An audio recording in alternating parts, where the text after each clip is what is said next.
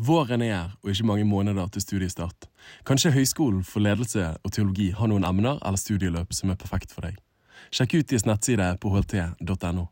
De har òg en spennende lederskapskonferanse som går av stabel 18. til 20. mai i Oslo. På samme nettside, hlt.no, finner du mer informasjon om den. Dine valg i dag former dagen i morgen. Velkommen til Liv og lederskap med meg, Daniel Sæbjørnsen. Utrolig kult at du tapper inn og lytter. Podkasten der alt handler om å inspirere til sterke liv og store lederskap i Jesus etterfølgelse. Så gjør deg klar til å lytte og lære, så du kan leve og lede enda bedre. Du, da er det en ny eh, Liv og lederskap-episode, og det er stas. Sitter her i Bergen, sitter nærmere bestemt i Kristkirken i Bergen, i Slåtthaugveien 21, for det var her vi fikk et rom til å spille inn podkast. Men med en god venn av meg, og en som har gledet meg til å ha med i podkasten, deg, Atle Yndesdal. Velkommen. Tusen takk for det. Ja. Veldig kjekt, Atle, at eh, du hadde anledning. Har du vært i sånn samtalepodkast som dette tidligere noen gang? så du kan huske? Nei, dette er nummer én. Er det nummer én? Det er nummer én. Men du har sikkert vært på radio den tid det var populært? Ja, mye i nærradio. Mm. Det har vi drevet mye med. Så det, det var veldig bra, faktisk. Ja. For man nådde folk og ja, fått fine tilbakemeldinger og vitnesbyrd på det. Veldig spennende. Jeg synes jeg hørte en gang eh, Det var en pinsevenn som sa at uh, enhver pinsemenighet med respekt for seg sjøl for en del tiår siden, hadde nærradio. Uh, var det nesten litt sånn at uh, ja, en periode var det jo sånn. Ja. Eh, det var jo vind i seilene, og alle skulle ha sin radio. Og eh, den tiden var jeg i, eh, i Kristiansund. Mm. Så da kjørte vi mye barneprogram, og vi kjørte på med forbundsprogram og undervisning. Så det var jo fantastisk herlig å være på luften og få kunnskapsord, og så traff du blink der ute. Ja. Med det, og så kom naboen, husker jeg en gang. En av mine naboer der jeg bodde fortalte om at hans sønn hadde blitt helbredet. Han kom ut fra Tysna, en naboøy. Så, eh, han hadde blitt helbredet pga. han hørte på nærradioen? Ja, og sendte inn bønneemner. Og så ble han bedt for? Ja, og så ble han wow. helbredet. Fantastisk. Det er herlig. Det, er oppmuntrende. Det har vi bare lyst til å si hvis noen blir helbredet av å høre på denne podkasten. Jeg har ikke fått de meldingene ennå, så, så, gjerne send de inn. Nå har ikke vi bedt så mye for, eh, for syke over podkasten her, men, men, formatet er ganske likt. Da, bare at dette tas opp og, og legges ut på eteren, og så kan man høre det igjen. Det kunne man sikkert ikke på radio før i tiden. Nei. Så men Atle, vi må bli litt kjent med deg. Jeg eh, har jo gleden av å kjenne deg en hel del år tilbake. Jeg skal si litt mer om det senere, første gang jeg møtte deg. Eh, men Atle, hvem er du? Hvor er du født? Hvor er du oppvokst? Ja, jeg er oppvokst eh, i en bygd som heter Undesdal. I Ytre Sogn, Gulen kommune. Der vokste jeg opp i en søskenflokk på seks. Hm. Min mor og min far var kristne og eh, tilhørte Den norske kirke. Mm. Så eh, min mor hun drev eh, søndagsskole. Så, var, det be, var, det eget bedehus da, eller var det skolehuset? Det var skolehuset. Ja. Vi hadde ikke bedehus. Ikke i bygda vår, og heller ikke i Brekke på den tiden var det bedehus. Ja. Som var nabobygdene, eller kommunesenteret på den tiden da jeg vokste opp. Gul kommune. Da var senteret i Brekke før? Ja, før var det Brekke kommune. Så ble det slått sammen, sånn at det nå, i dag er det jo Gulen kommune. Så det var ikke en veldig stor kommune da før? Nei, liten. Ja. Men det er stort sett bra. ja, ja. Var det der, altså Min familie er jo fra, fra Sunnfjord, min mor er der. Så jeg syns de snakker om at istedenfor å ta fergen, nå er vi veldig lokale her, så tok de den ikke fra, fra Oppedal, men de tok den fra Brekke før. Stemmer det? er helt rett. Ja. ja. Brekkelavik. Det var fast. Brekkelavik. Ja, ja, ja. Så eh, det var min oppvekst mm. på en gård. Ja. Og eh, lærte til å arbeide, og det har jeg vært glad i hele mitt liv. Melkekyr? Ja, ja, ja. Melkekyr, sau, gris, hest og en del høns. Alt det som hører til. Det er så fint, altså. Ja, det var fantastisk fin tid. Så der, eh, nå skal jeg ikke spørre om hvor gammel du er eksakt, men eh, hva tiår snakker man ca.? Eh, oppveksten når man vokste opp der inne? Ja, vi er tilbake til 50-tallet, når jeg ja. ble født. Så jeg er midten av 50-tallet. Midten av 50-tallet, ja.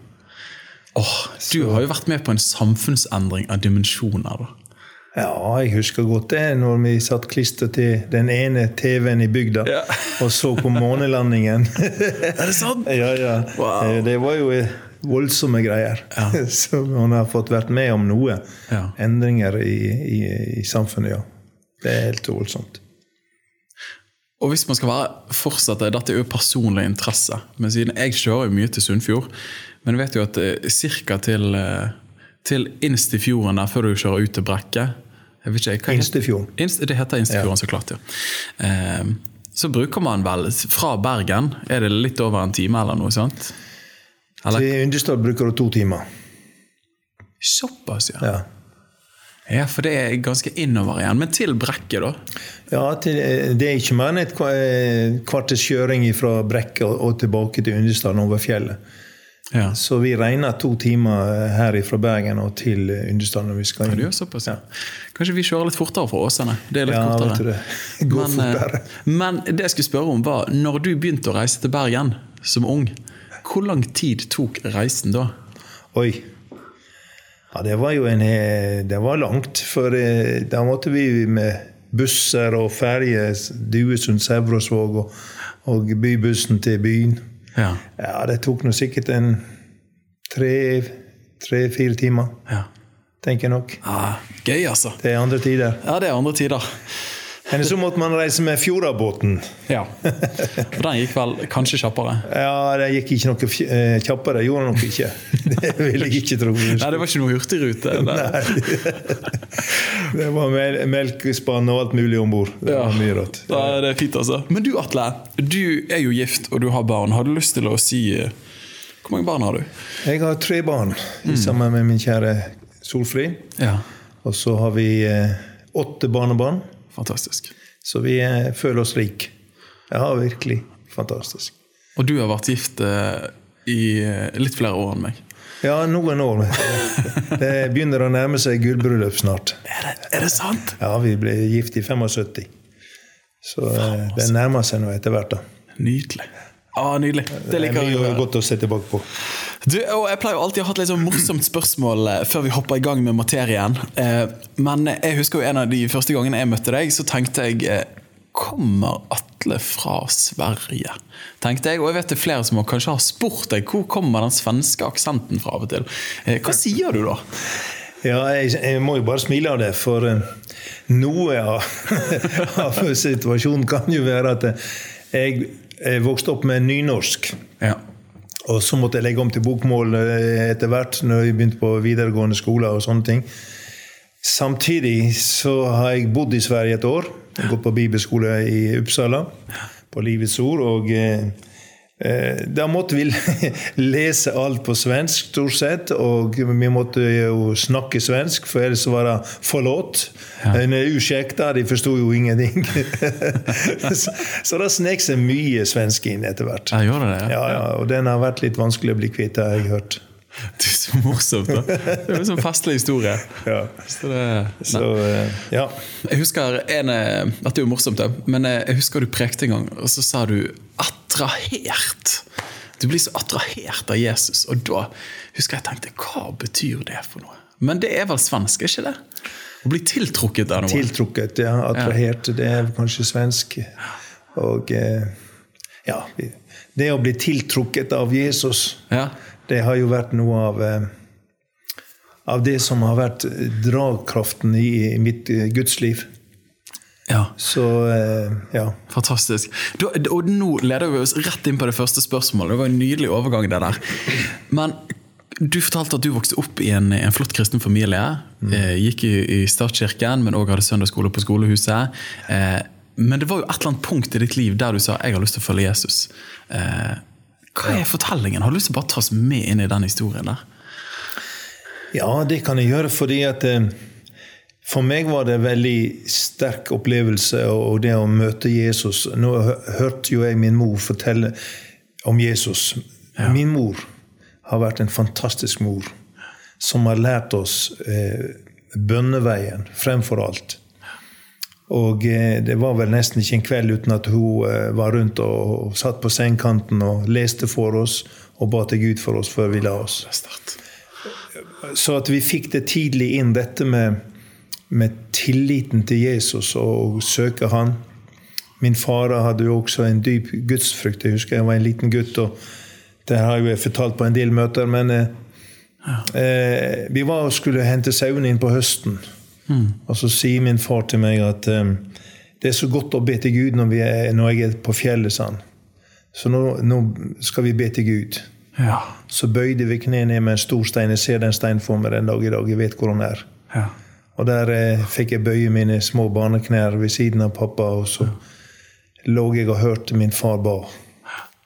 Antageligvis var det en del av hans liv. Og det, det, er sånne ting som risser seg inn i mitt, mitt unge barnehjerte. Mm. Altså den respekten. Og sammen med min kjære bestefar lærte meg respekt for Guds ord. Mm. Jeg kunne bibelsoga meg utenat. Mm. Det var sånn vi hadde det før i tiden. og forklaring og alt det. Så eh, Sterkt å høre, altså. Ja, jeg fikk det inn, kan du si. Og og så gikk det jo tid, og jeg ble konfirmert og tenkte at nå skal jeg eh, finne ut av det her sjøl. Og det gikk jo ikke så helt greit. Eh, jeg må si det. Jeg husker første gangen jeg hadde tenkt meg på dans. Mm. Og jeg ba om å få min hvitskjorte. Jeg traff mor mm. på soverommet. Hun sa aldri at jeg ikke skulle eller måtte reise. noe sånt eller noen trugsmål eller pekefinger. Mor var ikke der. Men hun sa under tåret Atle, gir du djevelen lillefingeren, så tar han snart hele hånden din. Og så ga hun meg skjorta. Det var ikke noe særlig å gå på den dansen den kvelden. jeg, har, jeg har båret med meg Husker du har fortalt den historien? Gir du djevelen lillefingeren, så tar han hele hånden. Ja. Den er liksom, Det er et ord av visdom, altså. Ja, den, den, Litt sånn rakt på, men det ja. er det er sant. Men det var mor. Ja. Og Det var hennes hjerte som uttrykte seg. Ja. så eh, det gikk jo noen tid, og så flyttet jeg til eh, Sotra på, i Knarvik og gikk på yrkesskolen. Hadde med meg min nynorske eh, konfirmasjonsbibel. Blå perm. Stiv perm var det også. er, det, er det sånn 1930-oversettelse? Ja. ja. Så den eh, smugleste jeg i, da. Jeg gjorde du det? Ja, ja jeg gjorde det fordi at det, det, året der så kjente jeg et veldig kall ifra Gud. Mm. Så jeg kjente en lengsel. Det var en sånn kamp den vinteren der. For jeg gikk og kjempet med, med kallet til Gud, lengsel der, samtidig som jeg ville gå min egen vei. Mm. Så den påsken i det året der så er det at det var noe møter hjemme i skolehuset. Men Hvor gammel snakker vi da cirka? Var... Da var jeg vel rundt 17 år. Ja. Og da inviterte min mor meg på, på møte hvor jeg bare blankt avviste, ikke likte predikantene og ikke ville gå. Jeg skulle på dans den kvelden ja. sammen med en tjommi. Men eh, bare et liten stopp der. Men jeg vet jo For de fleste bygder på Vestlandet så var jo det gjerne et skille mellom samfunnshus, dans, men òg bedehus, gudsfolket. Gikk det et slikt skille òg inne i deres bygd? Ja, ja, ja. Det var tydelig sånne skiller. Ja. Ja, ja. Så man kunne velge, liksom? Man måtte velge nesten? Ja, man, eh, om man måtte og måtte, men i hvert fall så gikk det tydelige skiller på det. Ja. Og, og eh, eh, det ble jo fort lagt merke til hvor du gikk. Mm. så eh, det ble jo lagt merke til hvilken vei Atle gikk, da. Og, men jeg trivdes sammen med mine brødre som var eldre enn meg. Vi festet sammen. Selv jeg og han eldste eh, hadde det litt greit innimellom. Ja og sånn. Så, eh, og så var det dette møtet din mor inviterte deg ja, til? Ja, det var jo helt spesielt. at eh, jeg gikk hjem den kvelden og skulle eh, gjøre meg i stand til å, å, dra på dans. Og jeg skulle inn til denne tjommen min Åge. Og klarte ikke å gå inn den sideveien inn til han. Jeg forstår ikke, jeg gikk forbi og jeg gikk og reiket på veien. Og der kommer det en bil, og der sitter min mor. Og det er en, god, det er en venn av, av mor og far som kjørte. Så stopper de og spør om jeg vil være med på møtet. Og jeg svarer ja og setter meg inn. Jeg, jeg har mange ganger tenkt Hva er det du har vært hen, Atle? Ah, wow. det var nesten sånn at det, du leser om Peter som satt på taket og grublet sånt over synet, og så ring, banket det på døra nede. Mm. Det var en sånn himmelsk timing. Og jeg satte meg inn og ble med på møtet. Min bror han så at jeg satt i bilen. Han holdt jo nesten på å besvime. holdt jeg på å si. Eh, det, det, det var en kraftig reaksjon, for han forsto hva, hva, som foregikk. Og eh, den kvelden så talte jeg eh, Trygve Korneliussen het han. Han er pinsevenn. Bor ute på, ute på Rødland. Han lever fremdeles? Ja, ja. Trygve lever. Ja, gjør det. Men med skolehuset, var det, kom det altså Det var ikke NLM eller Vestlandske som var der? Eller det, fikk dere alle typer forkynnere inn der? Eller? Vi hadde mange typer forkynnere. Ja. Mest var det jo lyttersk, som, og de bodde alle, disse predikantene bodde hos mor og far. Så vi, var, vi kunne jo og kjente de ut og inn og hadde moro med de. Men, men pinsepredikanter de fikk komme òg, så det var ikke det skillet på den tiden faktisk heller? Ja, det var noen eh, ting som skjedde i den forbindelse etter hvert med ja. årene. Sånn at eh, Det var jo Jakob Aasebø som begynte å reise inn i Nordhordland og i Undesdal og der, og hadde møter den vinteren. Ja.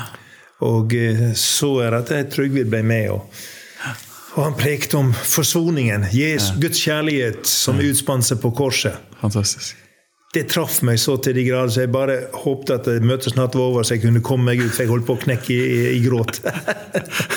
det, var, det, var, så sterkt. Guds kall kan være sterkt. Oh, ja. Jeg kjenner jeg blir så rørt at det er så sterkt. Så jeg stakk ut når møtet var ferdig, og eh, inn på toalettet uh, ute og, og låste døren. Og der satt jeg og storgråt. For da var det en sånn desperat kamp mm. mellom lys og mørke, mellom synden og den nådeforkynnelse jeg hadde nettopp vært vitne til. Mm. Så um, jeg venta til alle var gått, og så gikk jeg ut og tenkte jeg får tenke over saken. Men der sto jo Jakob Aasebø og venta på meg, for min mor hadde nemlig sett mm. at nå er Atle kalt av Gud. Mm. Så hun hadde sagt til Jakob du venter, for Atle han er kalt av Gud. Mm. Min mor var kjempe. Så da gikk vi bortover husker jeg, skoleplassen, og så er det at Jakob spør om jeg er frelst. Og jeg kunne jo ha sagt jeg er døpt og konfirmert. Jeg kunne ha sagt jeg har vært med i musikklag. altså Man kunne hoste opp masse sånne religiøse fraser og greier og hendelser. Men det duger ikke i lys av evigheten. Det blir, frelsen er en personlig sak. Så jeg ble på en måte zoomet inn i Guds kjærlighet med det bildet som jeg hadde, og den plassen jeg levde i, mm. med min synd. For Bibelen sier jo alle har syndet og fattet Guds ære. Mm. Jeg trengte Jesus i mitt liv. Mm. Og det hadde Gud, ah, himmelen zoomet inn på den kvelden. Det var fantastisk. Ah, wow. Så eh, da gikk vi inn igjen, og jeg bekreftet at jeg trengte frelse. Ja. Bøyde våre kne, og jeg ba frelsesbønnen. Ja. Jeg kommer alltid til å glemme det, og vil ikke glemme det heller. Det var en sånn radikal forandring på innsiden av meg når jeg ba den frelsesbønnen. Ja. At fargene var annerledes i oh. naturen etterpå. Ha. Alt var annerledes dagen derpå. Ja. Eh, påfølgende natten jeg lå og leste Johannes evangeliet og lo og gråt om et annet. For jeg forsto plutselig hva jeg leste. Ja. I min nynorske bibel. ja, ja, 1930. ja. Så frelse er radikalt. Åh, jeg blir så rørt, jeg. Oi, oi, oi, oi. Så der, der, fikk du rett og slett et gjennombrudd med Jesus. Ja. Du ble frelst og løst. Ja. Kom gjennom i et liv i Gud. Men dette startet jo Jeg vil jo si dette startet jo lenge før. Egentlig. Ikke sant, ja. Fordi at eh, min mor fortalte meg en god tid etter jeg ble frelst, at den dagen hun fødte meg på kvinneklinikken i Bergen så holdt hun den lille guttepjokken i sine hender mm. og sa, 'Jesus, jeg gir han til deg. Bruk han i din tjeneste.' Mm. Derfor er jeg her. Mm. Jeg blir rørt bare jeg tenker på det. Ja, jeg eh, satt og tenkte, Jeg vet ikke om jeg har grått i noen episoder før, men jeg eh, Dette, dette er sterkt, altså. Ja. Så det jeg opplevde med mamma Unnskyld at jeg bruker det, mm. men jeg elsker å si mamma. Ja, da, jeg, er mammagutt, jeg òg. Så, jeg... så eh, eh, min mor mm. hun har holdt meg der hele veien. Og det var en periode hvor jeg var litt ute og kjørte igjen. Jeg fikk en del skudd for baugen. Jeg var på Østlandet på folkehøyskole. Tobakken kom inn igjen, og etter hvert kom eh, drikkevarer inn i bildet. Så jeg, jeg levde på siden. Mm. Men da gikk mor inn i en skikkelig fight og en kamp. Mm. Og som vi leser om denne enken som kom til dommeren og sa 'gi meg min rett'. Mm. Hjelp meg til min rett. Der var min mor. Natt og dag. Hun fortalte meg etterpå hvor hun gikk om nettene og, uh, ute på gården og ropte til Gud. At uh, 'jeg har gitt han til deg, jeg krever han tilbake, Jesus. Hjelp meg til min rett'. Mm. Og jeg hadde en fantastisk kamp. vet du. Natt, du får ikke fred når noen ber for deg? Vet du. Nei, men jeg kan fortelle deg, Daniel, at når vi ber, ja. da aksjonerer himmelen. Og en av disse nettene Jeg hadde jo slengt Bibelen fra meg hjemme i opprør. For det var en del ting som hadde skjedd. Jeg flyttet på hybel, hadde fått lære i elektrikerlære og bodde nede i brekket. Og så, så drømmer jeg. Jeg får et drømmesyn hvor jeg ser at jeg går fortapt. Og det, det, det, bildet der har bare festet seg til min netthinne. Jeg vil aldri komme, til, komme forbi den. Mm. Og så hører jeg en stemme som sier 'Atle, du er i ferd med å gå fortapt'. Jeg skal si jeg fikk, kom meg opp av den sengen fort. og det første som slo meg, Daniel, det var 'Hvor er Bibelen min?' Men har, jeg fikk panikk, for jeg hadde ikke Bibelen med meg. Ja. Og eh, Den hellige ånd minte meg på Du har et brev i din, i din bag som du har fått av din mor. Les det. Jeg stupte inn i i kottet og hentet frem eh, det brevet og leste og leste. Og gråt og ropte til Gud. Gud, jeg kommer. Jeg kommer tilbake igjen. Wow. Så um, Å, det er sterkt, Atle. Her er det så mange ting å berøre. Ja. Men, men, mødre som ber ja. Vi kan ikke understreke det nok hvor mektig det er. Vet du, når jeg kom hjem fra dans så bodde vi tre generasjoner i huset. Så vi, mm. jeg måtte gå gjennom min mor og fars soverom for å komme inn på mitt soverom. Jeg gikk jo inn i helligdom, for da lå de og ba om natta. Så når jeg kom hjem, så fikk jeg sånn gudsfrykt når jeg gikk igjennom soverommet. Og jeg lå under den dyna full og, og, og, alt dette her som eh, vi hadde vært med om, og tenkte og kjente en sånn både fordømmelse for min synd, men samtidig et, et, sterkt rop. Gud, du må hjelpe meg ut av dette her. Så de, lå de våken og ba no, når du kom hjem fra fest? Så de forsto at du kom hjem da? Ja, ja. ja. mm, de slapp meg ikke. Du, Det er sterkt å høre der. Jeg, jeg syns det òg gjør inntrykk å høre når du snakker om din mor. Eh, eh, jeg, altså, mitt forhold til min mor igjen er jo at hun er en, en bønnedame mm. og har bedt mye. Men det morsomme er jo at hun vokste opp på gård, mye tilsvarende deg. Så når du forteller noe, så er det som å høre mamma fortelle bare ti år senere. Eh, men hun har måttet gå gjennom foreldrene sine sitt rom. Og hun snakker òg når hun hadde bestemoren på besøk fra Viksdal.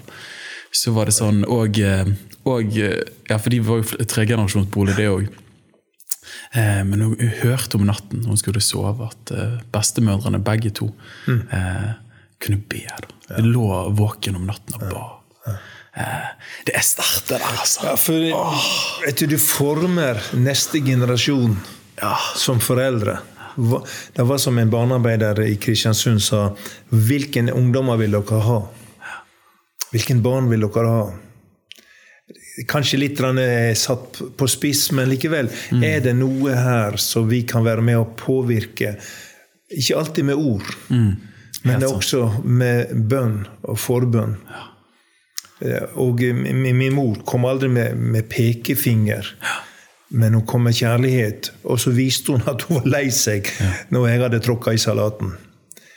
Eh, og jeg elsket min mor, så jeg syntes det var veldig trasig at jeg skulle såre henne. Ja. Så det ble jo dobbel byrde, da. ja, ja, det skjønner jeg. Dobbelt trauma. Ja.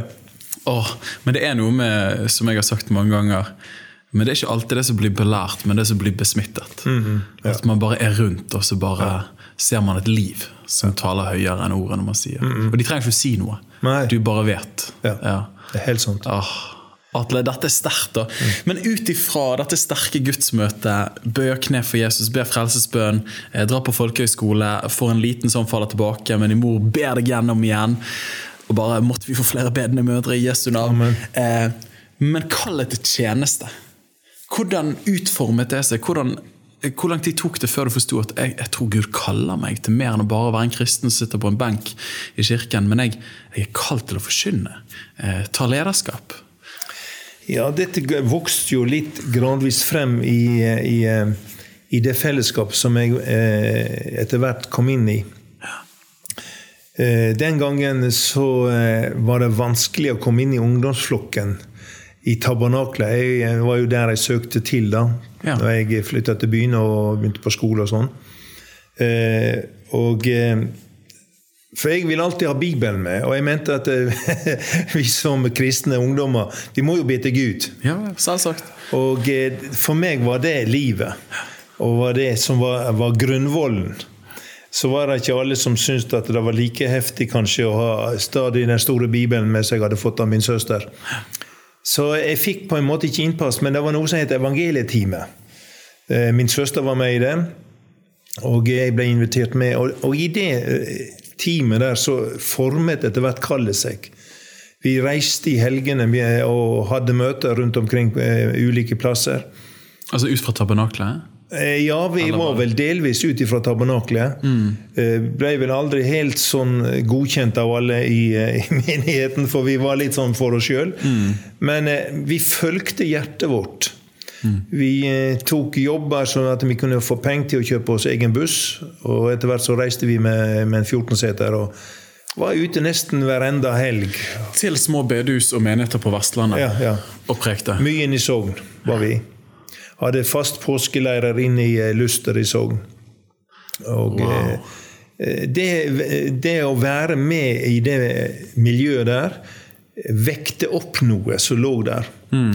Eh, Så at det helt fra starten av så har jeg hatt trang etter å vitne om Jesus. Mm. Enda i min eh, frafalne Nei, jeg var vel ikke frafallen på den måten, men jeg levde i hvert fall ikke i strømmen. Så satt jeg og drakk sprit med, sammen med vennene mine og vitnet om Jesus, og det, det glødet inni bilen. Så det var jo rene vekkelsesmøte. Er så. Så tydeligvis var det noe som lå der. Det lå et kall der. Ja. Ja, ja. Åh. Så, det, så det modnes fram gradvis, da, eh, i kombinasjon av at Gud har både talt og det ligger noe på innsiden, men òg at man eksponerer seg for ulike tjenestemuligheter. Så det er akkurat som det vokser fram på et vis. Ja. Tror jeg er veldig gjenkjennelig for veldig mange av oss.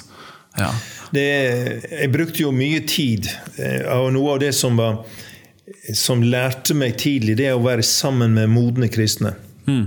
Kom an, De som ba til Gud, de som levde med Jesus, ikke de som bare hadde et navn eller pratet masse greier. Men jeg så på livet til, og så søkte jeg kontakt med de som jeg eh, så hadde livet.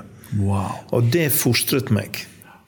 Og eh, var også sårbar. Jeg husker Bjarne Aase het han. Han var møtevert i Tabernaklet. Vi kaller jo for møtevert i dag. Og jeg husker som nyfrelst jeg kom inn i Tabernaklet en søndags eh, tror jeg det var et møte. Og han drar meg til sides der i døra og spør hvordan har du det. Jeg har vært så mint om deg. Og det der at en av disse eldre spør på den måten og viser interesse, det er en nøkkel. Og jeg elsker å være sammen med ungdommene og heie på de. For de tilfører meg noe, og så har jeg også noe å tilføre de. Eh, så det er gjensidig. Så Bjarne Aase han oppmuntret meg. Disse gamle i høvdingen i tabernaklet på den tiden. der. Ja.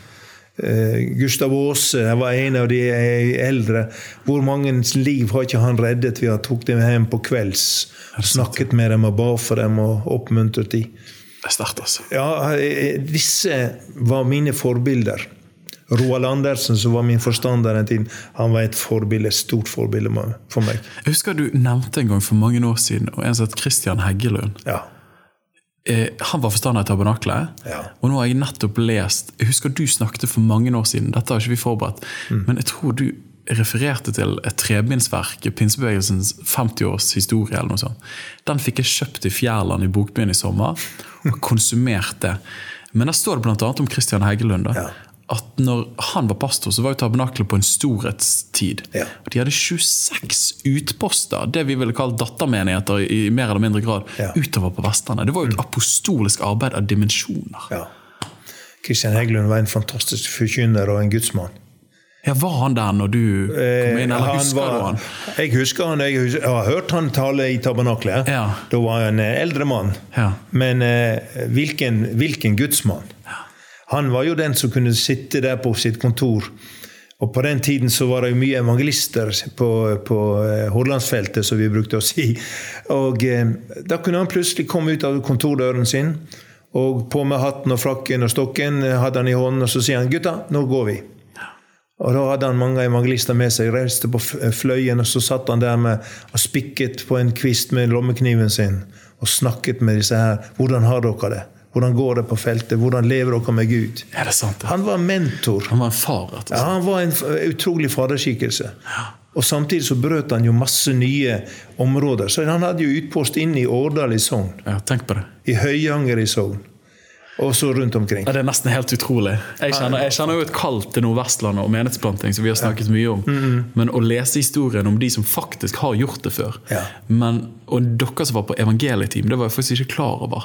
Men jeg, jeg har jo gått Nå blir veldig personlig, men, men til et kall og en drøm om vi trenger å besøke de små menighetene på Vestlandet og styrke ungdom og barnearbeid og menighetene. Ja. Eh, og vi trenger ikke bare at det blir gjort i forrige generasjon, men vi trenger at noen reiser seg opp og tar lederskap i dag. da. Yes. Åh, Atle! Yes. Åh, jeg kjenner jeg blir giret! Det her er bra. du, åh. du, en av de tingene vi er jo langt, eh, vi, vi, rekker ikke manus her i dag, Atle, for det, her bare følger vi strømmen i dag. Eh, men, eh, men, jeg husker en av de første gangene jeg møtte deg, Atle. Eh, da tror jeg det var Jeg lurer på om du var i den menigheten jeg vokste opp i, Åsane, Ås, altså Fellesskapskirken, tidligere Åsane frikirke. Prekte der. Eh, møtte deg òg i ungdomsarbeidet i Kristkirken Kanalus, som jeg begynte i, 8.-9. Og så husker jeg det alltid så bemerkelsesverdig med deg. En ting var lidenskapen. At, at, at, du trodde på det du prekte. Eh, og du ga hjerte og sjel inn i forkynnelsen. Mm. Men så var det alltid på slutten av møtene òg. Så begynte du å dele beskrivelser. Jeg lurer på om det er noen her inne som har vondt i ryggen. Kanskje har hatt det i tre år. Jeg lurer på om noen har en fot som er kortere enn andre. Og jeg var fascinert. liksom, Hva er dette for noe? Jeg har forstått i ettertid at det heter kunnskapsord. Eh, og du har snakket om det, men mer enn snakket om det, men du har modellert det. En av, en av de fremste jeg vet om i, her i byen. Men det å leve et liv i Den hellige ånd, da. Mm. Eh, bare, kan vi bare snakke litt om det? Eh, for jeg har sett fruktene av det. Ikke minst gjennom egen tjeneste, men òg din tjeneste. Eh, at Den hellige ånd får til så mye mer enn det vi klarer eh, gjennom våre fine prekener. Ja, han er eksperten. men har det vært viktig for deg det å, å fungere i Den hellige ånds gave? Det har vært veldig avgjørende for meg. Ja. Eh, når jeg var nyfrelst, så visste jeg jo ingen verdens ting. Jeg hadde lite eller ingen undervisning om disse tingene. Så etter hvert så fikk jeg tak i noen bøker så på den tiden var litt sånn forbudent uh, frukt av meg, eller uh, lesning. uh, men Kenneth Hagen han har lært meg mye godt. Ja. Så jeg lå og smugleste når jeg var ute på mine evangelistreiser. Jeg leste på nettene og prekte om dagen. si. men var, var han stueren i pinsebevegelsen når du reiste som evangelist der, eller var han ikke helt grei i pinsen? Nei, heller? det var veldig delte meninger. Ja, det var det. Ja. ja. Så man skulle jo være litt forsiktig. Ja. Men han setter ord på noe av det som jeg lengtet etter. Ja. For det var det få i pinsebevegelsen som gjorde på den tiden. Det fantes nok sikkert. Kristian Heggelund, som jeg nettopp har snakket om, han fløt jo i dette. I kunnskaps- og profeti. Ja, ja, ja, Min mor ble jo helbredet på en av hans husmøter på, på Espeland. Hvor han sier at eh, i kveld er det noen som skal bli helbredet, sa han i ettermøtet. Eh, Gud har talt til meg. Og så I det han sier det, så ser min mor Jesus i en skikkelse bare går forbi henne. Og hun undrer seg hvem kan dette være.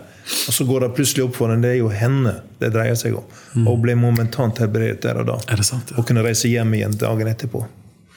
Start. Så eh, eh, dette med eh, For du, når du leser Bibelen Det har jo vært en av eh, fundamentene som jeg har lagt vekt på i mitt liv. Hvis ikke du har tørst etter Guds ord, hva er det da du preker? Da blir det bare hodekunnskap eller noe du har tillært deg. Men du må forkynne Guds ord. Og jeg har prøvd å dukke inn i, og mye av det har jeg igjen ikke forstått etter hvert. Så jeg måtte lest det. Og brukt, jeg har brukt dager, netter med predikanter som har gått lenger enn med meg. Eldre, helst eldre forkynnere. Ja husker jeg satt oppe, i, oppe på Sunnmøre en natt med en predikant på hytta hans og lot han bare fortelle. Jeg var helt tommelumsk i hodet av alt som han hadde opplevd. Ja. Og vet du, Daniel, det ender alltid med en sterkere tørst. Oh, wow. Jeg har gått for bønnemøter og sagt at Jesus, rubbe av det jeg har sett og opplevd her i kveld, vil jeg ha funksjon i mitt eget liv. Jeg vil inn i det, Herre. Ja. Altså, jeg har hatt denne der. Så Gud har jo overrasket meg da, til de grader. For mm. dette med kunnskapsord det startet oppe på Åheim. Eh, jeg hadde en, mission, en sånn evangelisttur oppe i en bønnegruppe. Åheim, hvor er det? Det er ute mot Stad. Ja, ja, oppe Nordvestlandet. Ja. ja. Så der var det en bønnegruppe oppe i dalen der som inviterte meg. og... Eh, jeg sto og talte på Samfunnshuset der om kvelden, og så begynte jeg å verke så fryktelig i ryggen. Mm. Jeg tenkte jeg er jo frisk, hva er dette her for noen ting? Og så, så spurte jeg da altså Det var helt overnaturlig hvor Gud ledet meg. Men jeg spurte er det noen i, i forsamlingen som har, har, vondt i ryggen. Og Så var det en hånd som kom opp. Og så visste jeg at hun som var leder for bønnegruppen, Liv Aasen, som hun het, eh, hun var, eh, var bare for syke. Ja. Så jeg inviterte ham med frimodighet frem og tenkte vær så god, eh, nå får du bli Liv. Men hun sa det er du som har fått det, så du får be sjøl. Og da ble jeg litt svett. Jeg må jo inn. for, du, for, du var ikke vant til å be for syke selv om du var pinsepredikant? Eller jo, det var ikke tradisjon for det? Nei, ikke på, på, denne måten. Jeg hadde ja. jo bedt for folk før. Men dette var noe nytt. Så interessant, ja. ja. Og jeg hadde jo ikke noen eh, referanser på dette. Jeg visste ingenting hva det gikk. Jeg bare gikk på, eh, på det Gud kom med, mm. der og da. Så jeg, eh, eneste jeg kom på da for å hjelpe meg, det var at jeg hadde sett og vært sammen med Åge Olleskjær. Mm. Jeg så at han satte folk ned på en stol og målte beina. Jeg tenkte jeg får gjøre det samme. Mm. Det funket for Åge, det får eh, vi prøve her. ja. Jeg var veldig barnslig. Ja, Men det. Men eh, det gjorde jo det, og så ble jeg sjokkert, for den foten var utrolig skeiv. Og jeg vet jo at det er ikke den måten man vatrer opp. Da må man stå og så videre. Men det er en hjelp for troen, ja. og eh, jeg gjorde det. Og så lukket jeg øynene så godt jeg kunne og ba. Jeg vil ikke se her. Jeg var så, jeg var så nervøs, Daniel. Ja, det var et helt nytt kapittel. Og så merker jeg at han ble liksom dratt utpå, for jeg hadde jo sagt at han måtte sitte godt inntil med, med ryggen til, til. Og så ser jeg han kommer fremover og så sier du må sette deg godt inn. Ja, det kan du si, sa han. Det strekker sånn i foten på meg. Sa det, ja. Han sa det. Oh, wow. Og Gud helbredet han. Han var frisk så lenge jeg kjente han. Ja. Det startet, og I samme møteserien var det en som fikk hørselen igjen. Ja. Så da begynte noe å skje. Det vekket jo en tro, men sikkert en lengsel sammen med troen. Ja, ja, ja. ja. For jeg forsto at det her var Gud i ferd med å brette ut et nytt kapittel. Og dette med at jeg kjente smerte i egen kropp, det forsto jeg ikke at det var sånn det skulle fungere. Nei. Inntil at jeg leste et, et magasin, Hvetekornet heter det på den tiden. Og eh, Der var det en amerikansk forkynner som fortalte om dette med kunnskapsord. At han hadde det på denne måten. Mm. Og da falt, jeg, eh, falt noe på plass. Det er utrolig gøy å høre, Atle. For jeg som har vokst opp i en fornyelsestradisjon, vi har jo bøker både for, Ikke minst John Wimber mm -hmm. har jo vært så viktig på en måte for å gi et språk med en teologi til å fungere i åndens gaver og ledelse. Men for deg, når jeg hører på deg nå, så er jo det akkurat som du hadde ingen rollemodell, og plutselig fikk jeg vondt i ryggen. Eh, og så måtte du nesten bare prøve deg fram i lydighet mot Den hellige ånd. Eh, det må jo ha vært skummelt? Det er klart det, skum, det, var jo skummelt. Det var veldig spennende. Og Særlig i, starten så, så, var jo det sånn at du var litt nervøs. Er dette meg, eller er det Gud? Ikke sant? Ja. Og, eh, men når jeg underviser om nådegaven, så bruker jeg ofte å si at den største feilen vi gjør, det er at ikke vi våger å gjøre feil. La oss være ydmyk i tilnærmingen til nådegavene. For gjør vi feil, jeg har kommet med mange ord som ikke jeg i hvert fall har fått respons på. Kan at jeg har vært der, men jeg har ikke fått respons. Ja. Og Da stresser jeg ikke med det. Jeg er bare underveis. Og det bruker jeg å si også i forsamlingen, at jeg prøver å øve meg. Så ha meg unnskyld hvis jeg tar feil. Ja. Men eh, kom de som eh, det treffer på, da. Det er så bra sagt, Atle. For jeg tror mange som lytter inn her, som gjerne kommer fra mer eh, kanskje konservative kretser, som ikke har vært vant til å fungere i åndens gaver, eh, så er jo første innvendingen, og ikke minst når du skal hjelpe folk gjennom til tungetale, ja, men tenk hvis det er meg sjøl. Eller tenk hvis det er djevel. Mm -hmm. eh, men sånn som du sier så bra, vi er barn. Og vi prøver oss fram. Mm. En dag når vi kommer hjem, da skal vi kunne det fullkomment. Da er vi med Kristus. Men så lenge vi er her, så øver vi oss på å høre hans stemme. Vi øver oss på å være lydig. Eh, men det er helt greit. Ja, men Sånn har det jo vel vært med alle, Daniel. Ja. Hele veien når vi leser Guds ord, så er det jo Bibelen er en utrolig ærlig bok. Mm. Det er jo disse som Gud eh, har satt virkelig sitt stempel på. Veldig, alle sammen har gjort noen feil underveis. Og det er Bibelen ærlig på også. Mm. Og Derfor så er det ikke Vi må på en måte ufarliggjøre det at vi øver oss og går fremover. Så lenge vi gjør det med en ydmyk holdning og kjærlighet yes. til mennesker, ja. så hvor mye kan gå galt da? liksom? Ja, jeg, jeg mener at eh, jeg, dette med tilnærming av kunnskapsord, f.eks., så bruker jeg oftest å si 'jeg opplever'. Istedenfor å si at sånn og sånn er det. Så bruker jeg å si 'jeg opplever'. Og da stiller du konferenten, denne forsamlingen, litt fri. Så og så har du ikke låst en situasjon og skapa unødige spenninger. Det, så, det er visdom, Atle. Jeg tror at det har i hvert fall vært en god nøkkel for meg, og, og ja. uh, fått utvikla meg i det. Mm. Sterkt å høre. Oh, jeg, jeg, får nesten bare lyst til å spørre, har du en historie til eh, om det å, å, høre fra Gud og se at mennesker blir rørt ved ham? Ja, jeg har mange historier. ja, det, tror, det, vet jeg. Du er en fantastisk historieforteller. Jeg, jeg har to. Kan jeg få lov å komme med de? Fyr på. Den, eh, vi, vi kom jo sammen med Eh, Øyvind Hansen, som reiste mye til eh, Burundi. Han var jo min pastor i oppveksten. Han var din pastor, stemmer det. Og eh, en av de turene som eh, han skulle ut, så kunne ikke jeg være med. Og så sier han da at eh, 'hva gjør jeg nå?' Det er du som har alle disse kunnskapsordene. Og så sier jeg at jeg er med i konferansen, jeg er med i seminarene. Bare send en melding fra Burundi når du begynner, hvor. Og så ber jeg, og så ser vi hva Den hellige ånd gjør. Ja. Så eh, var vi hjemme på hytta og, og jobba solfra meg. Så vi frokostbordet da, mm. tikker inn en melding. Nå starter seminaret sånn og sånn. Og der og der. Og jeg satt og ropte til Gud, for Gud vil jo tale til oss. Amen. Så jeg satt og, og jeg spiste frokost med min kjære fru og, og, og ba samtidig. Og så begynte Den hellige ånd å tale kunnskapsord. Så jeg satt og skrev og skrev og skrev. Så Solfrid til slutt så ser hun at jeg er helt fjern. Så hun spør hva er det du holder på med. Og jeg sier at jeg er på seminar i Burundi. så jeg får en hel liste med kunnskapsord, og så trykker jeg 'send'. Så tikker det inn på ettermiddagen i eh, en melding fra Burundi fra Øyvind at alt stemte, og alle ble helbredet. Det er sant, ja. En av våre seminarer så fikk jeg kunnskapsord, og det kom frem en kvinne eh, som var gravid. Mm. Og eh, hun sier til meg at eh, 'jeg tror barnet er dødt', mm. for det har ikke vært liv. Hun var i femte måned. Og eh, jeg har ikke kjent liv i det siste. Og idet hun sier det, så opplever Den hellige ånd si til meg 'bryt dødens ånd' og hva hun har vært utfor. Vi vet at det er en del som kaster forbannelser på hverandre. Og litt sånn. Og det har vi vært ute eh, borti der ute. Men hva dette var konkret, vet jeg ikke. Mer enn at jeg, jeg lydder lydde Den hellige ånd. Og det er et nøkkelord her. Ja. At vi ikke begynner å diskutere med Den hellige ånd, men at vi våger ja. å si det som skal sies. På en kjærlig og, og, og en respektfull måte. Mm. Så jeg sier da i Jesu navn så bryter jeg dødens ånd.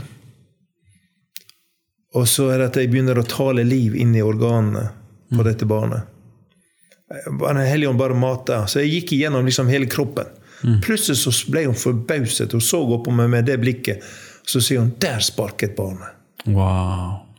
Og året etterpå vi kom ut, så satt hun der med en velskapt gutt på fanget og var med i lovsangen. Det var helt fantastisk. Ja, Det gjør inntrykk. Ja, det, er, ja, det er mange sånne sterke fortellinger der ute. Oh. Med barn som får hørsel igjen. Og, ja. ja. det er masse greier. Er ikke det sterkt det, Atle? Jeg, jeg, er sikker på at du har hatt den samme erfaringen òg. Men jeg, jeg, hørte det var en predikant som sa for mange år siden at Gud gjør mer bak vår rygg enn foran våre øyne. Mm. Og, og, en av de mest gledelige opplevelsene jeg har i min hverdag, er når du tikker inn meldinger fra folk som sier 'Jeg vet ikke om du husker det, men du ba for meg'. Mm. Eller 'Jeg vet ikke om du husker det, men du prekte der'. Ja. Og så på grunn av det, det, det, det, det eh, så er livet mitt forandret. Jeg er helbredet, jeg fant tilbake til, ja. osv. Eh, det er stort. Da kjenner jeg blir ja. veldig ydmyk. altså. Ja. Det er men, fantastisk. Men er ikke det litt for oss predikanter og menighetsledere? Det opplever jeg er på en måte litt sånn lønningsdagen. Når vi får de rapportene der, da. Det er klart det, det, Man blir jo både ydmyk og takknemlig at vi kan få lov å bety en forskjell. Ja. At vi Jeg bruker blant å si det at vi holder i kilden og i behovet. Mm. Altså er vi bare røret eller postbudet med, mm. sånn som brevet skal sendes igjennom. Wow, vi har ingenting med innholdet, ja. men vi skal levere det. Ja. Og det er kjempeviktig. At, eh, at, vi får lov å være der. Og, og jeg vil jo si at sånn som de turene til Afrika mm. har jo forløst utrolig mye av dette med, med både kunnskapsord, også dette med det profetiske, det med helbredelser. Mm. Bare sist vi var nede, Øyvind og meg, på en uke, så så vi jo 230 stykker bli helbredet. Ja, tenk på det. Altså det og så er det noen som sier ja, men hvordan kan du vite det? Vel, vi har ikke noe annet vitnesbyrd enn at de sjøl sier at jeg som ser, jeg ser, eller ikke så, jeg ser. Ja. Jeg som ikke hørte, jeg hører. Vi må jo nesten tro det. Det var nesten greit, da. ja. De som ikke kunne lese sin bibel, han leser sin bibel. Ja, De som ikke hadde Jeg husker en, en av lederne han kom, han hadde så tannverk. Jeg fikk kunnskapsord om det. Og så ba jeg for han, og så sa jeg 'Hvordan er det der inne i tanngaren din?' Og så ble han helt rar, for han sto og leitet lenge med tungen og fant ikke hullene igjen. Er det sant, ja? ja det var, det var sterkt. Ja. Halleluja. Du, å. Yes. Ja, da, oi, oi, oi. Du, dette er så bra, altså. Um, åh. Ja, jeg fikk eh, jeg, jeg, må jo dele et vitnesbyrd, jeg òg. Jeg ble minnes på det nå. Eh, men jeg fikk en Jeg møtte, jeg var prekt på et møte, og så kom det en, en jente bak til meg eh, når jeg hadde forbønn. Og så sa hun du husker meg sikkert ikke, men for ti år siden pluss så var du tentamens vakt for meg. Og da ba du for meg, for jeg tror hun hadde vondt i foten eller skadet foten, og så ga du meg et profetisk ord. Jeg ble helbredet. Oi. Og det ordet har betydd så mye for meg. Herlig. Og jeg husket henne ikke igjen. i det hele tatt. Men da er det sånn Wow! Gud, tenk at du bruker oss på denne måten. Og det som skjer, er at du blir både takknemlig, men så er det som å hive bensin på bålet. Du vil bare ha mer, liksom. Come on, Gud. Mer! Eh, men et oppfølgingsspørsmål til dette da, er jo at vi, vi lever i en tid som er Altså, jeg pleier av og til å si at vi har veldig store hoder, og av og til kan du få inntrykk av at vi har litt sånn små hjerter. Men vi lever i en, eh, i en rasjonalistisk eh, tilnærming til virkeligheten. Det er bare det vi kan se, høre, ta på og føle som er virkelig. Mens det åndelige det eksisterer ikke så veldig mye. Da. Og det tror jeg dessverre, selv om vi kristne tror i, i all sin natur, eh, på en overnaturlig gud. Mm. En gud som er både materie, Jesus kom som kropp, men han er òg større enn denne dimensjonen. Men så ender ofte møtene våre opp med å bli ganske rasjonelle og konkrete. Men vi, og det er nesten som vi skjems litt over eh, i hvert fall det overnaturlige livet i Den hellige ånd. Vi sier at vi tror på det, men vi skaper ikke rom der vi praktiserer det. Og det er kanskje det verste. Akkurat. Eh, mm. Og så vil noen kanskje si ja, men det vi trenger i dag, er liksom først og fremst apologetikk, eller liksom smarte taler med god empiri fra samfunnsvitenskaper, som kan være bra og, og, og ha sin skjene effekt.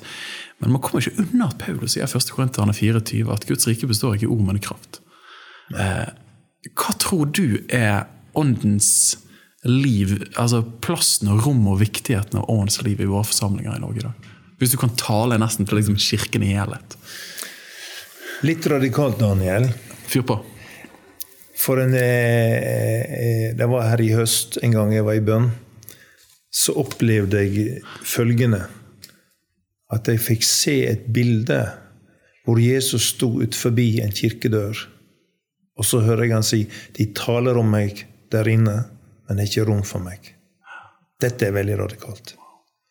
Og det er midt inni noe av det du sier her, at eh, vi kan så lett havne i dette med å ha teorien på plass. Mm. Og vi kan ha masse ord og flott forkynnelse. Mm. For det er det. Og, og, det er bra? Det er ikke det at det ikke er, bra? Det, nei. Ja. Det, vi må ikke komme der at vi fordømmer det, men jeg tror at det er noe Gud peker på her, som, som jeg personlig har satt veldig pris på og lært av mine afrikanske brødre. At det er ikke bare å tale, men det også handler om kraft. Hm. Som er pastor Edmund i Burundi, som vekket opp en død. For han hadde sett og lært av Øyvind og Atle hvordan de skulle be for syke. Vi har ikke vekt opp død, men han gjorde det. For han hadde, eh, hadde, en nabo som, som døde pga. at han ble kastet forbannelse på ham.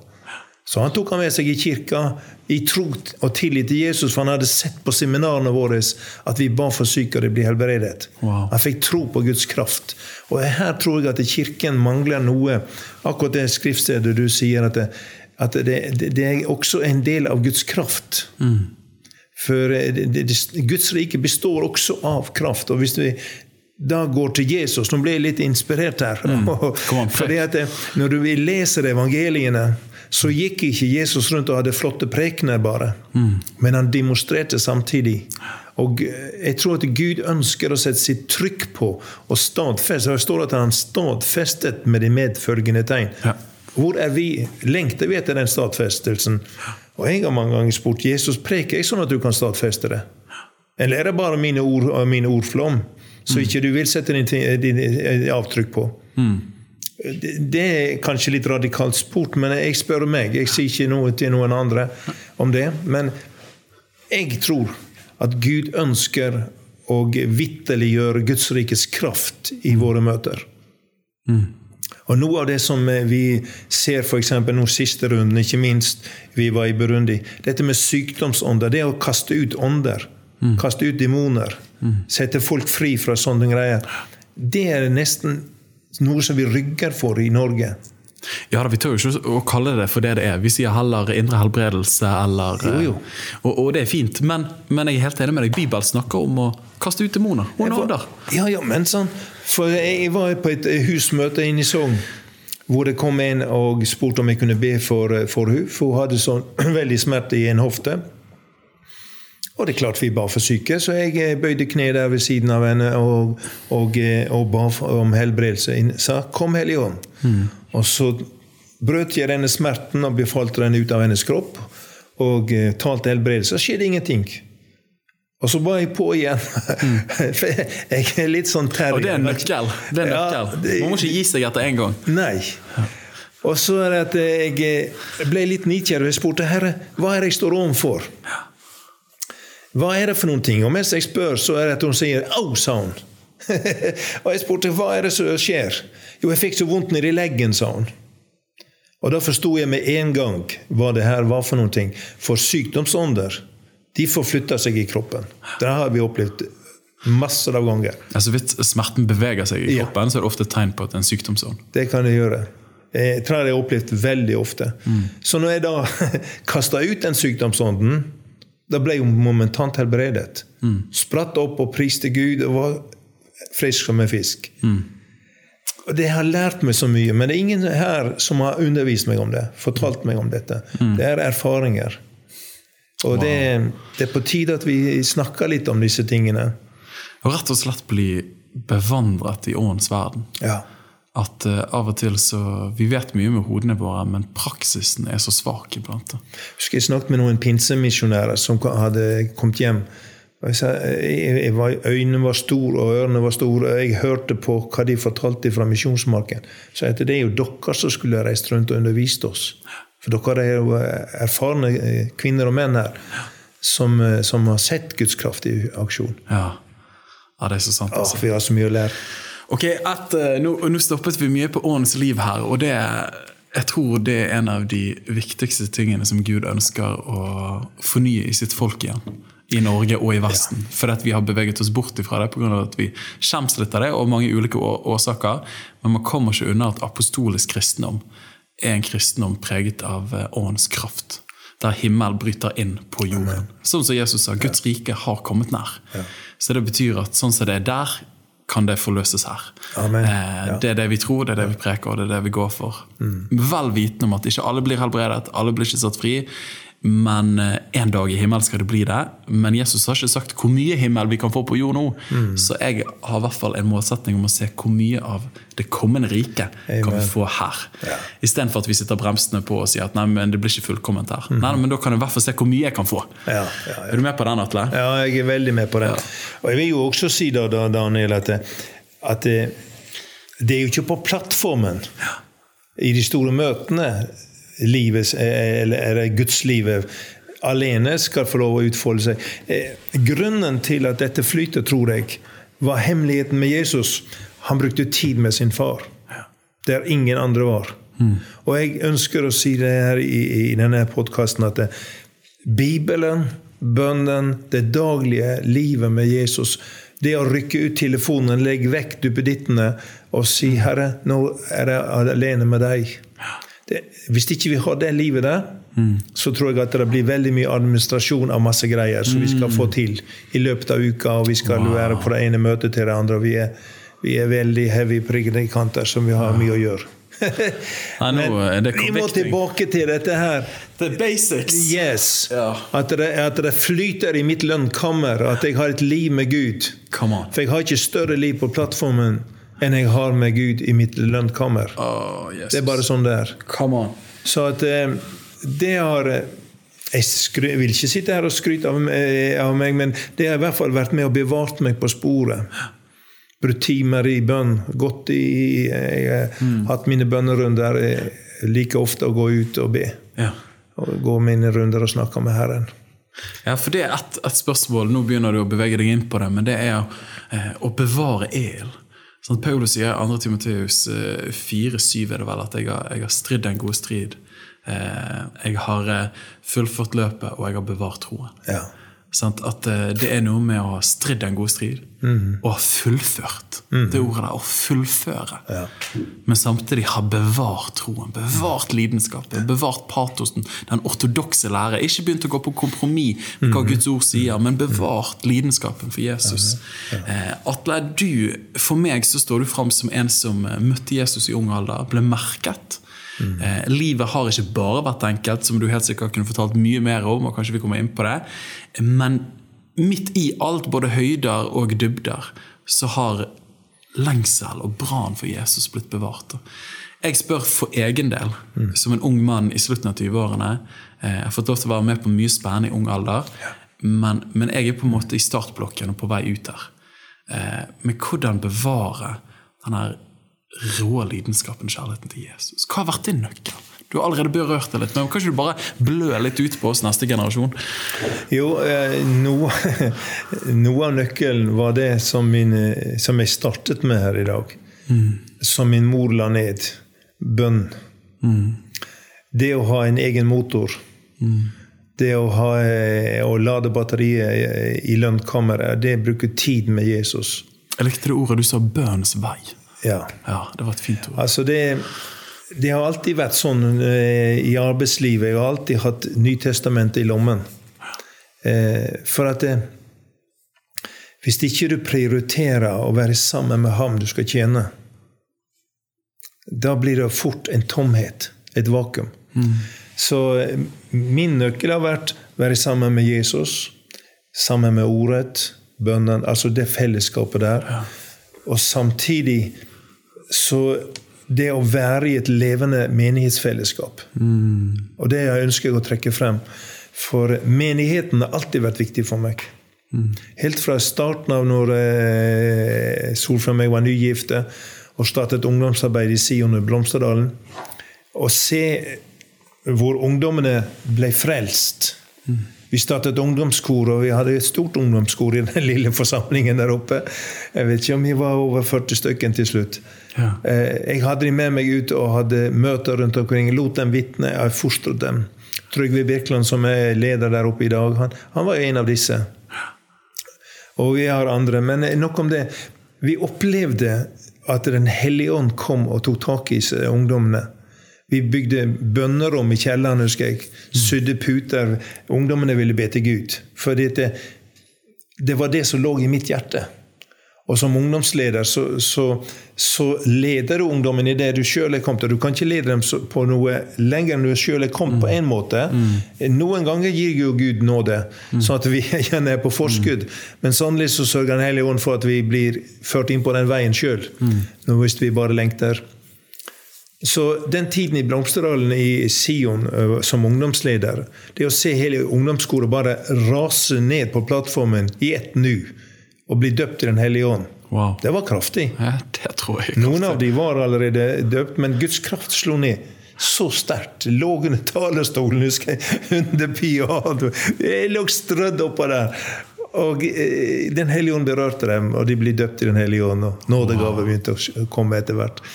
Spennende liv. Ja, ja, ja, det er spennende. Og hvis du har denne tørsten etter Gud, Ja. Og du har smakt noe av vekkelse For det var jo vekkelse i Blomsterlandet på den tiden. Har du smakt noe av vekkelsens ild? Mm.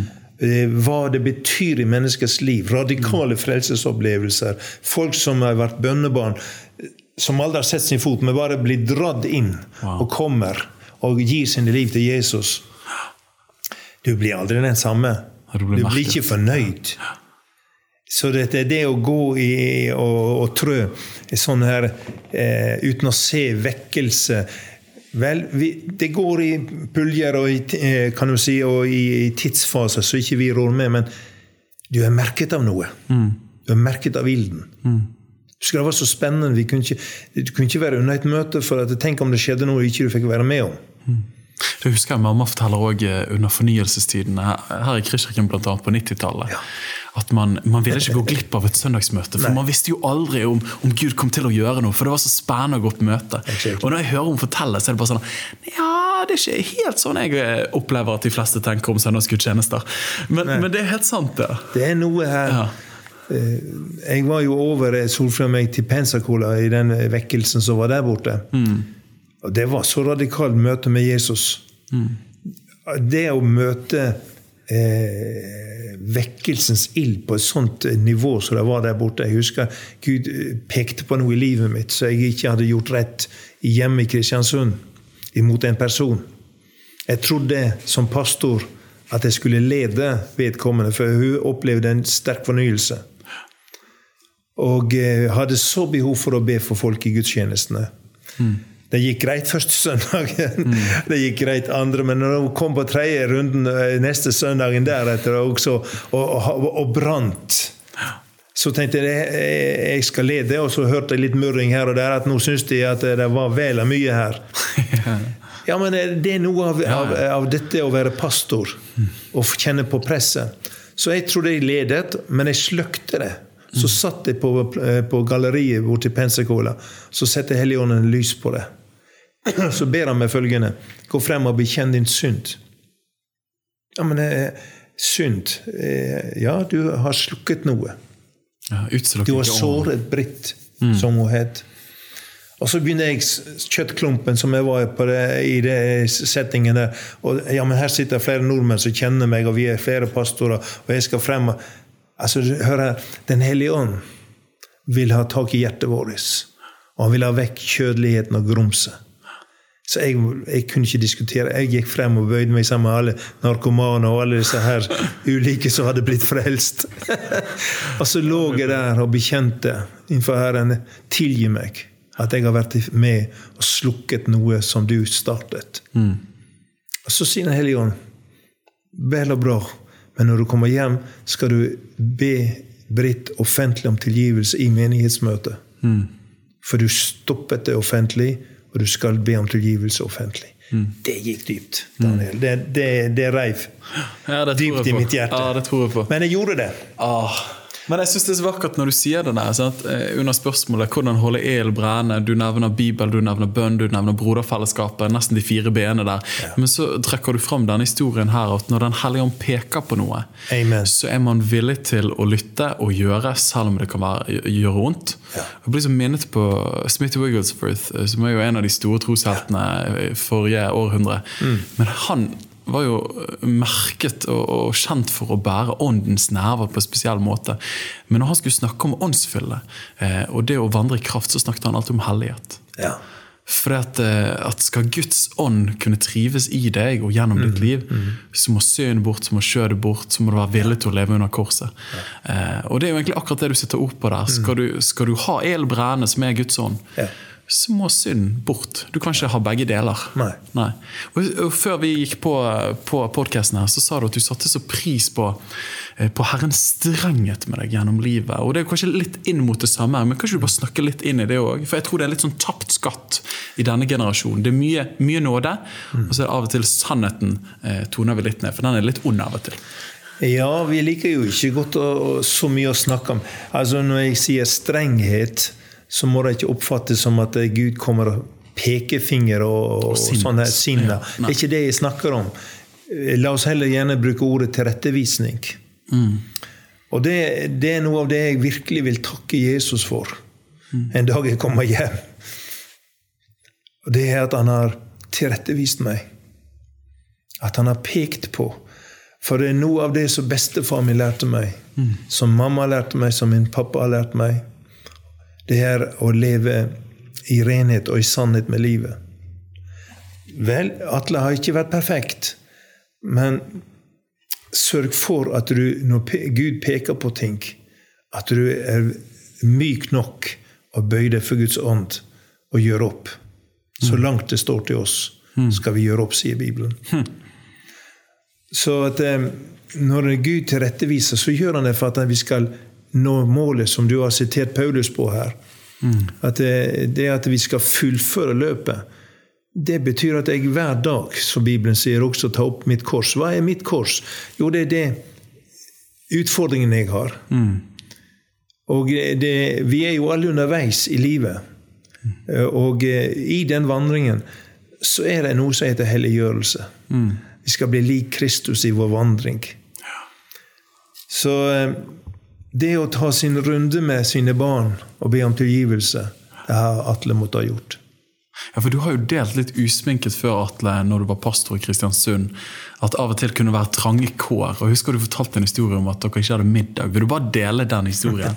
Syns den, den gjør inntrykk og setter ting i perspektiv. Ja, det, det å være forstander, i hvert fall på den tiden der, det, mm. det var det som var igjen når alt annet var betalt. Ja. Solfrid sa det her om dagen nettopp. Så det var en periode hvor det var veldig trangt. Det var ikke mat i kjøleskapet. Og eh, ungene måtte jo ha middag. Så jeg husker jeg hadde med meg guttene. Eh, og Anita var vel der også, hun eldste. Og vi ba til Gud at nå måtte Herren hjelpe oss med middag. For jeg hadde tenkt meg å fiske. Vi må jo ha mat. Mm. så jeg gikk ned, og guttene var med meg, og Anita var hjemme. Og så møtte vi nabo, og så sier han skal ha fiske sånn. Fins det ikke fisk i fjorden? Var, og guttene så gå på pappa. 'Ja, men har ikke vi nettopp bedt?' så jeg sa bare smilte og, og, ble ferdig med den samtalen og gikk ned. Og heiv ut og fikk fisk. På første kast, tror jeg nesten det var. Det var jubel og halleluja av disse mm. småtassene inn på stranden. Men vi har opplevd mye av det, for det, det har vært tøft. Og det tror jeg er viktig å lære seg jeg har stadig blitt minnet av det. Det å lære seg å, å, å stole på Gud i alle deler. Ikke bare når vi skal på prekestolen og at vi skal ha et budskap, men det å stole på Gud når det gjelder finans. Altså mm. det, det, å ha, ha, eh, økonomien på plass. Mm. Og mange andre ting. Gud har lært meg det her. Mm. Og Jeg sier ikke at jeg har lært det for at jeg, jeg er fullkommen i det. Langt ifra. Jeg må stadig holde det her levende. Mm. For at eh, jeg har vært nitkjær på dette med å, å, eh, så inn i Guds rike. Ja. Det har sol for meg vært. Husker hun sa ved et tilfelle at har vi råd til å la være? Det var kloke ord. Det er godt sagt. Er godt sagt. Ja, har vi råd til å la være? Og da var det virkelig minustall. Men vi sådde inn, og Gud har virkelig demonstrert sin godhet mot oss. Ja. Så kjøleskapet har vært tomt innimellom. Men eh, Gud har vært god òg. men Gud har ikke vært tom. Nei, Nei. Det var fisk i fjorden. Å, fisk i fjorden, Halleluja. Du, dette har vært så nydelig, Atle. Jeg, eh, jeg kjenner eh, nesten på vegne av eh, denne ungdomsgenerasjonen så jeg har lyst til å takke deg for at du har vært en av de som har gått foran. Mm. Eh, og ikke minst i nær kontekst for meg, både i Kristkirken og i miljøet rundt her. Mm. At du har vært med å både eh, formulere eh, og formidle eh, et evangelium om Jesus som ikke bare er teori, men rike. Men mest av alt òg modellerte. Mm. At, eh, at Den hellige ånd ikke bare er en god idé som gir deg en billett til himmel en gang, men at, at de kommende krefter fra mm. Guds rike mm. kan møte både frelse og helbrede og, og fornye deg i dag. da. Jeg er så dypt takknemlig for. Og ord som du har delt med meg gjennom tidene. jeg er så takknemlig for. Så, så jeg pleier alltid å avslutte med et spørsmål i denne podkasten og det er hva ville vært ditt fremste råd til lytterne, og da særlig unge, for å hjelpe dem til sterke liv og større lederskap i etterfølgelsen av Jesus? Og Du har allerede sagt så mye bra, men jeg vil bare gi deg muligheten. Noe av det som har eh, vært en veldig styrke for meg, og eh, hva skal jeg si, en, en hvile, det å ha en, en mentor mm. En som jeg kan snakke med, og som jeg har gitt tillatelse til å spørre inn i absolutt alt i mitt liv. Mm. Altså En til å stå ansvarlig overfor. Det har hjulpet meg på veldig mange punkter. For som, som, som, tjener i Guds rike så blir du utsatt for ulike ting. Du kan bli utsatt for fristelser av ulike ting. Altså Det er hele tiden et press. Djevelen det står jo, han går omkring som en brølende mm. løve. Og det Er klart, er du på toppen i, i, i en menighet, eller hva det måtte nå være, så vil du alltid være i, i søkelyset mm. for angrep. Mm. Eh, og Nå skal ikke vi ha fokus på det, men for din egen del og for fostringen og veksten Det å bruke tid med en mentor har vært veldig viktig for meg. Ja. Eh, Dernest så er det at eh, det å, og, det å, vandre i sannhet, være et åpent brev, det å ja.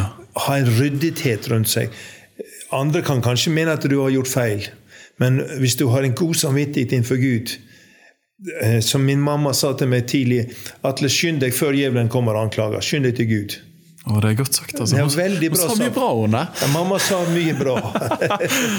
så at eh, eh, det har vært noe av det som har fulgt meg. Om jeg har mestret det alltid, det, det får jo andre dømme i. Men som langt det har vært opp til meg, så har jeg prøvd å, å leve etter det. Og det å holde seg nær til de som er kommet lenger, ha gode rollemodeller. Ja. Ikke de som lever i sus og dus og er av og, og, og, har et, et, lite innspill innimellom. Men jeg, jeg har f.eks. hatt Rå, eh, han, han eh, Reinar Bunke som mitt forbilde. Jeg har hilst på han og snakket litt med han en gang. Mm. Men det er alt. Men jeg har lest. Jeg har mm. sett på videoer. Jeg har sett på hans eh, møter. Det er noe som har brent seg inn. Det går an å nå lenger, Daniel. Mm, mm. Det går an å se Sogn og Fjordane forvandlet. Mm. Det går an å se mm, bygdene mm. ha husfellesskap innover fjordene. Det kan være storgudstjenester inne i Sogn og Fjordane. Altså, bare nå tar jeg ja, ja. For det brenner der inne. I mitt hjerte for hjemmefylket. Eh, du har eh, Billy Graham, for eksempel, som har vært et bilde, forbilde for meg eh, på det å har aldri i hvert fall ikke har jeg hørt noe om noe tull og krøll rundt hans navn og hans tjeneste for Jesus. Men han har sett masser bli frelst og forvandlet. Mm. Det, det, er den, den brannen jeg har. Mm. Å se mennesker forvandlet. Mm. Vi har så lett for eh, å bli som, eh, som, eh, som ledere innadvendt og administrere innad i forsamlingen. Mm. Men vi må samtidig ha blikket utad. Mm. Og se til de, de, fattige, se til de sårede, se til de som har det vondt. Mm. Det er gudstjenesten Jesus sier vi skal ha. Mm. Farløs og enker. Så, Så at, eh, eh, har man dette hjertepuls, eh, dette slår eh, sammen, se mennesker frelst, bevare sitt eget hjerte fra bitterhet Masse anledninger, Daniel, mm. til å kunne vært bitter. Mm. Det er masse anledninger til at vi ville tatt det igjen. Mm. Men det har vært en kamp å få lov å legge det ned. Mm. Og så har jeg fått nåde fra himmelen. Jeg vil avslutte med Det var en periode jeg hadde jobbet aldeles for hardt i Kristiansund. Møtte veggen, som vi sier. Mm. Og jeg fikk veldig tøft psykisk mm. den perioden. Jeg orket ikke å snakke med folk. Jeg orket ikke så mye lesing heller. Jeg, mm. Men jeg, jeg, gråt mye og snakket med Herren sånn. En av disse dagene Daniel, gikk jeg innover skogsveien hvor jeg brukte å gå og be. Og eh, snakket med Gud. Mm. Og så plutselig, Daniel, blir det en utrolig atmosfære på min høyre side.